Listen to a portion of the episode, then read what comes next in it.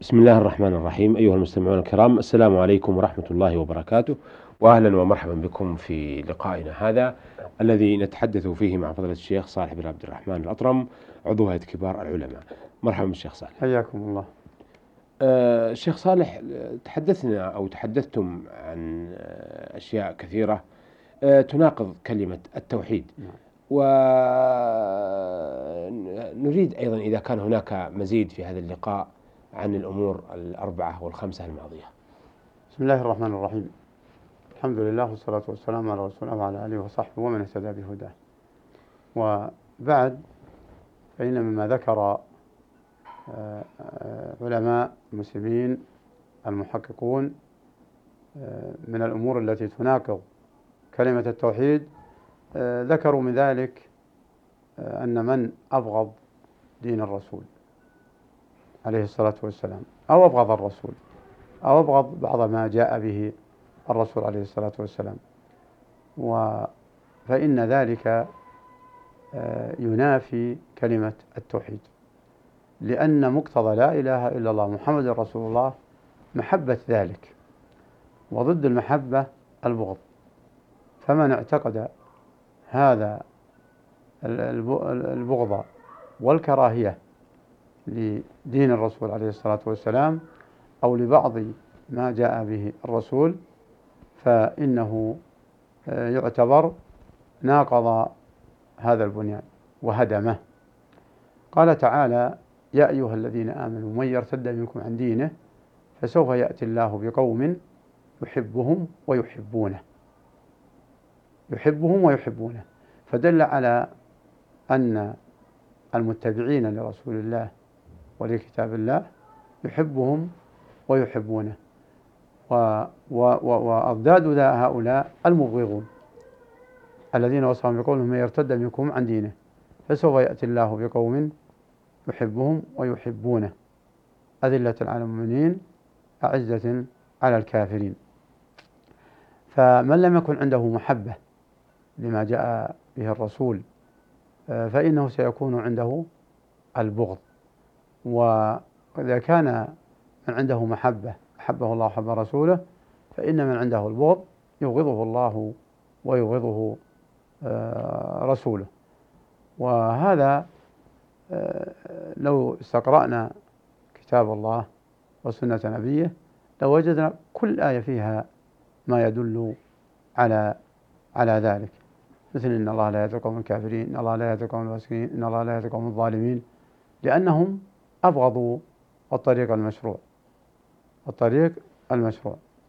وكذلك الآيات التي جاء بها اللعن والطرد والإبعاد.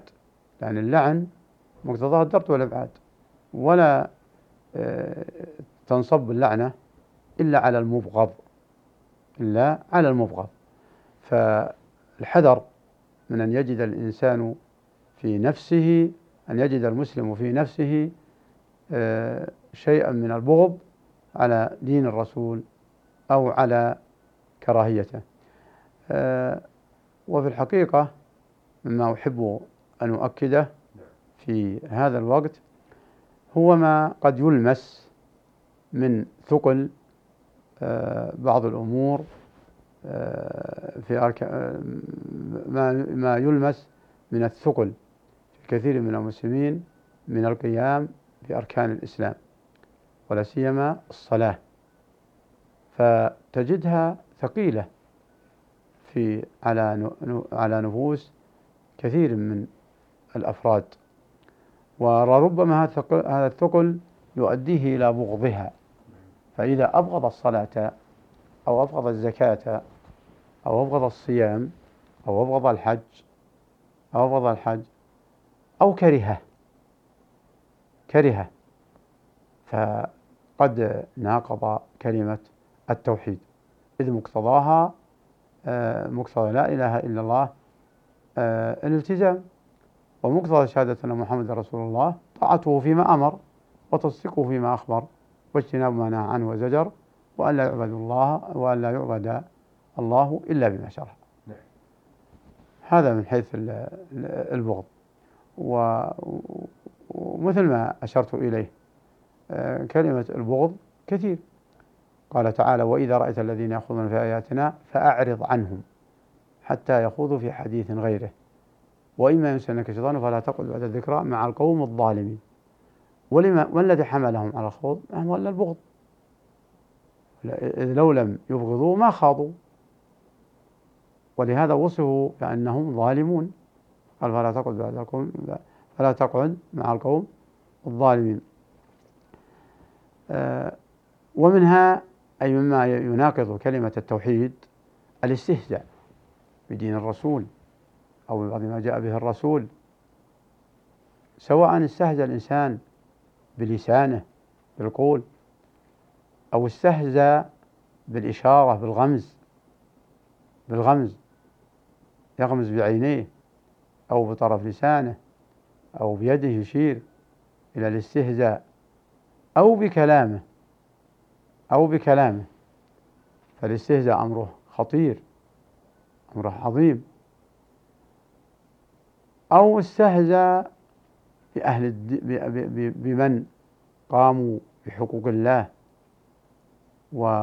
واتبعوا رسول الله صلى الله عليه وسلم فجعلهم مغمزا وجعلهم محل استهزاء وحاول أن يضحك أهل الفسق آه، عليهم بذكر أفعالهم.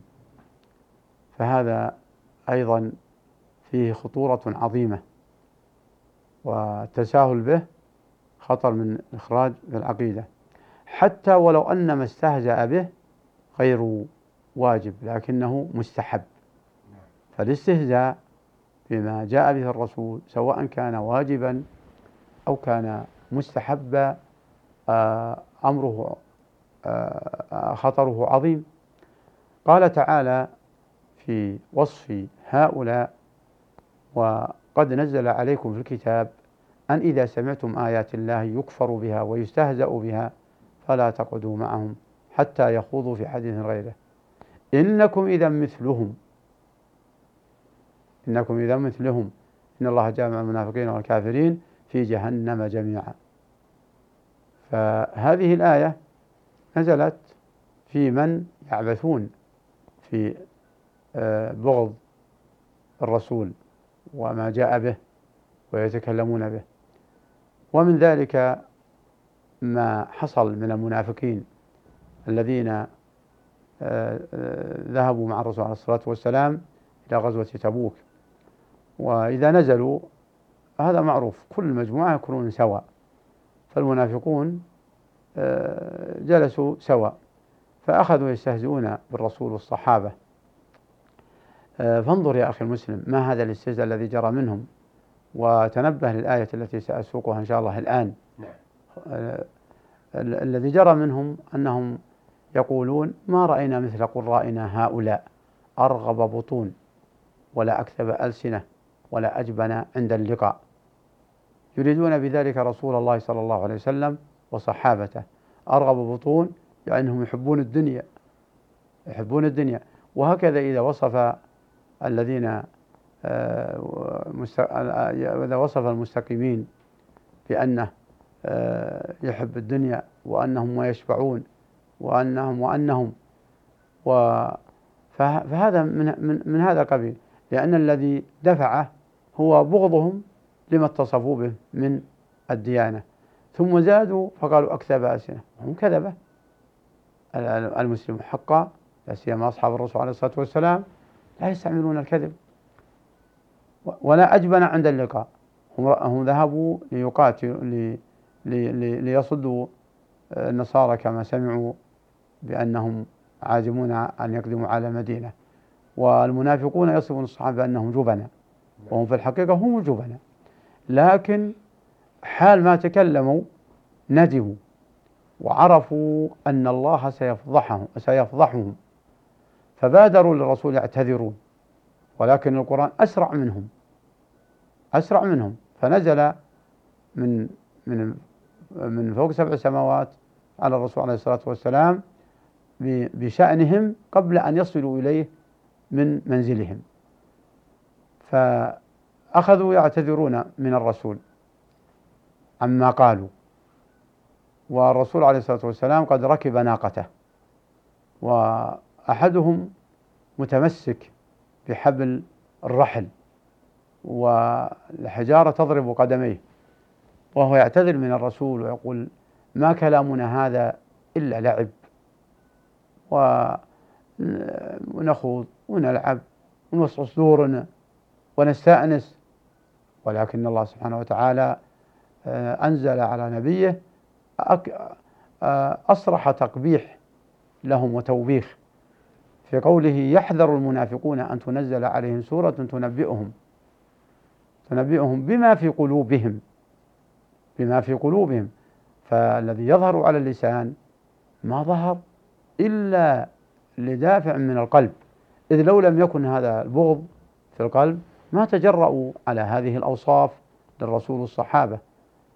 بما قلوبهم قل استهزئوا قل استهزئوا. إن الله يخرج ما تحذرون. يخرج ما تحذرون. فالله علام الغيوب يعلم مخائنة الأعين وما تخفي الصدور. أظهر ما عندهم لنبيه قل استهزئوا إن الله مخرج ما تحذرون. ولئن سألتهم ليقولن إنما كنا نخوض ونلعب. قل أب الله وآياته ورسوله كنتم تستهزئون؟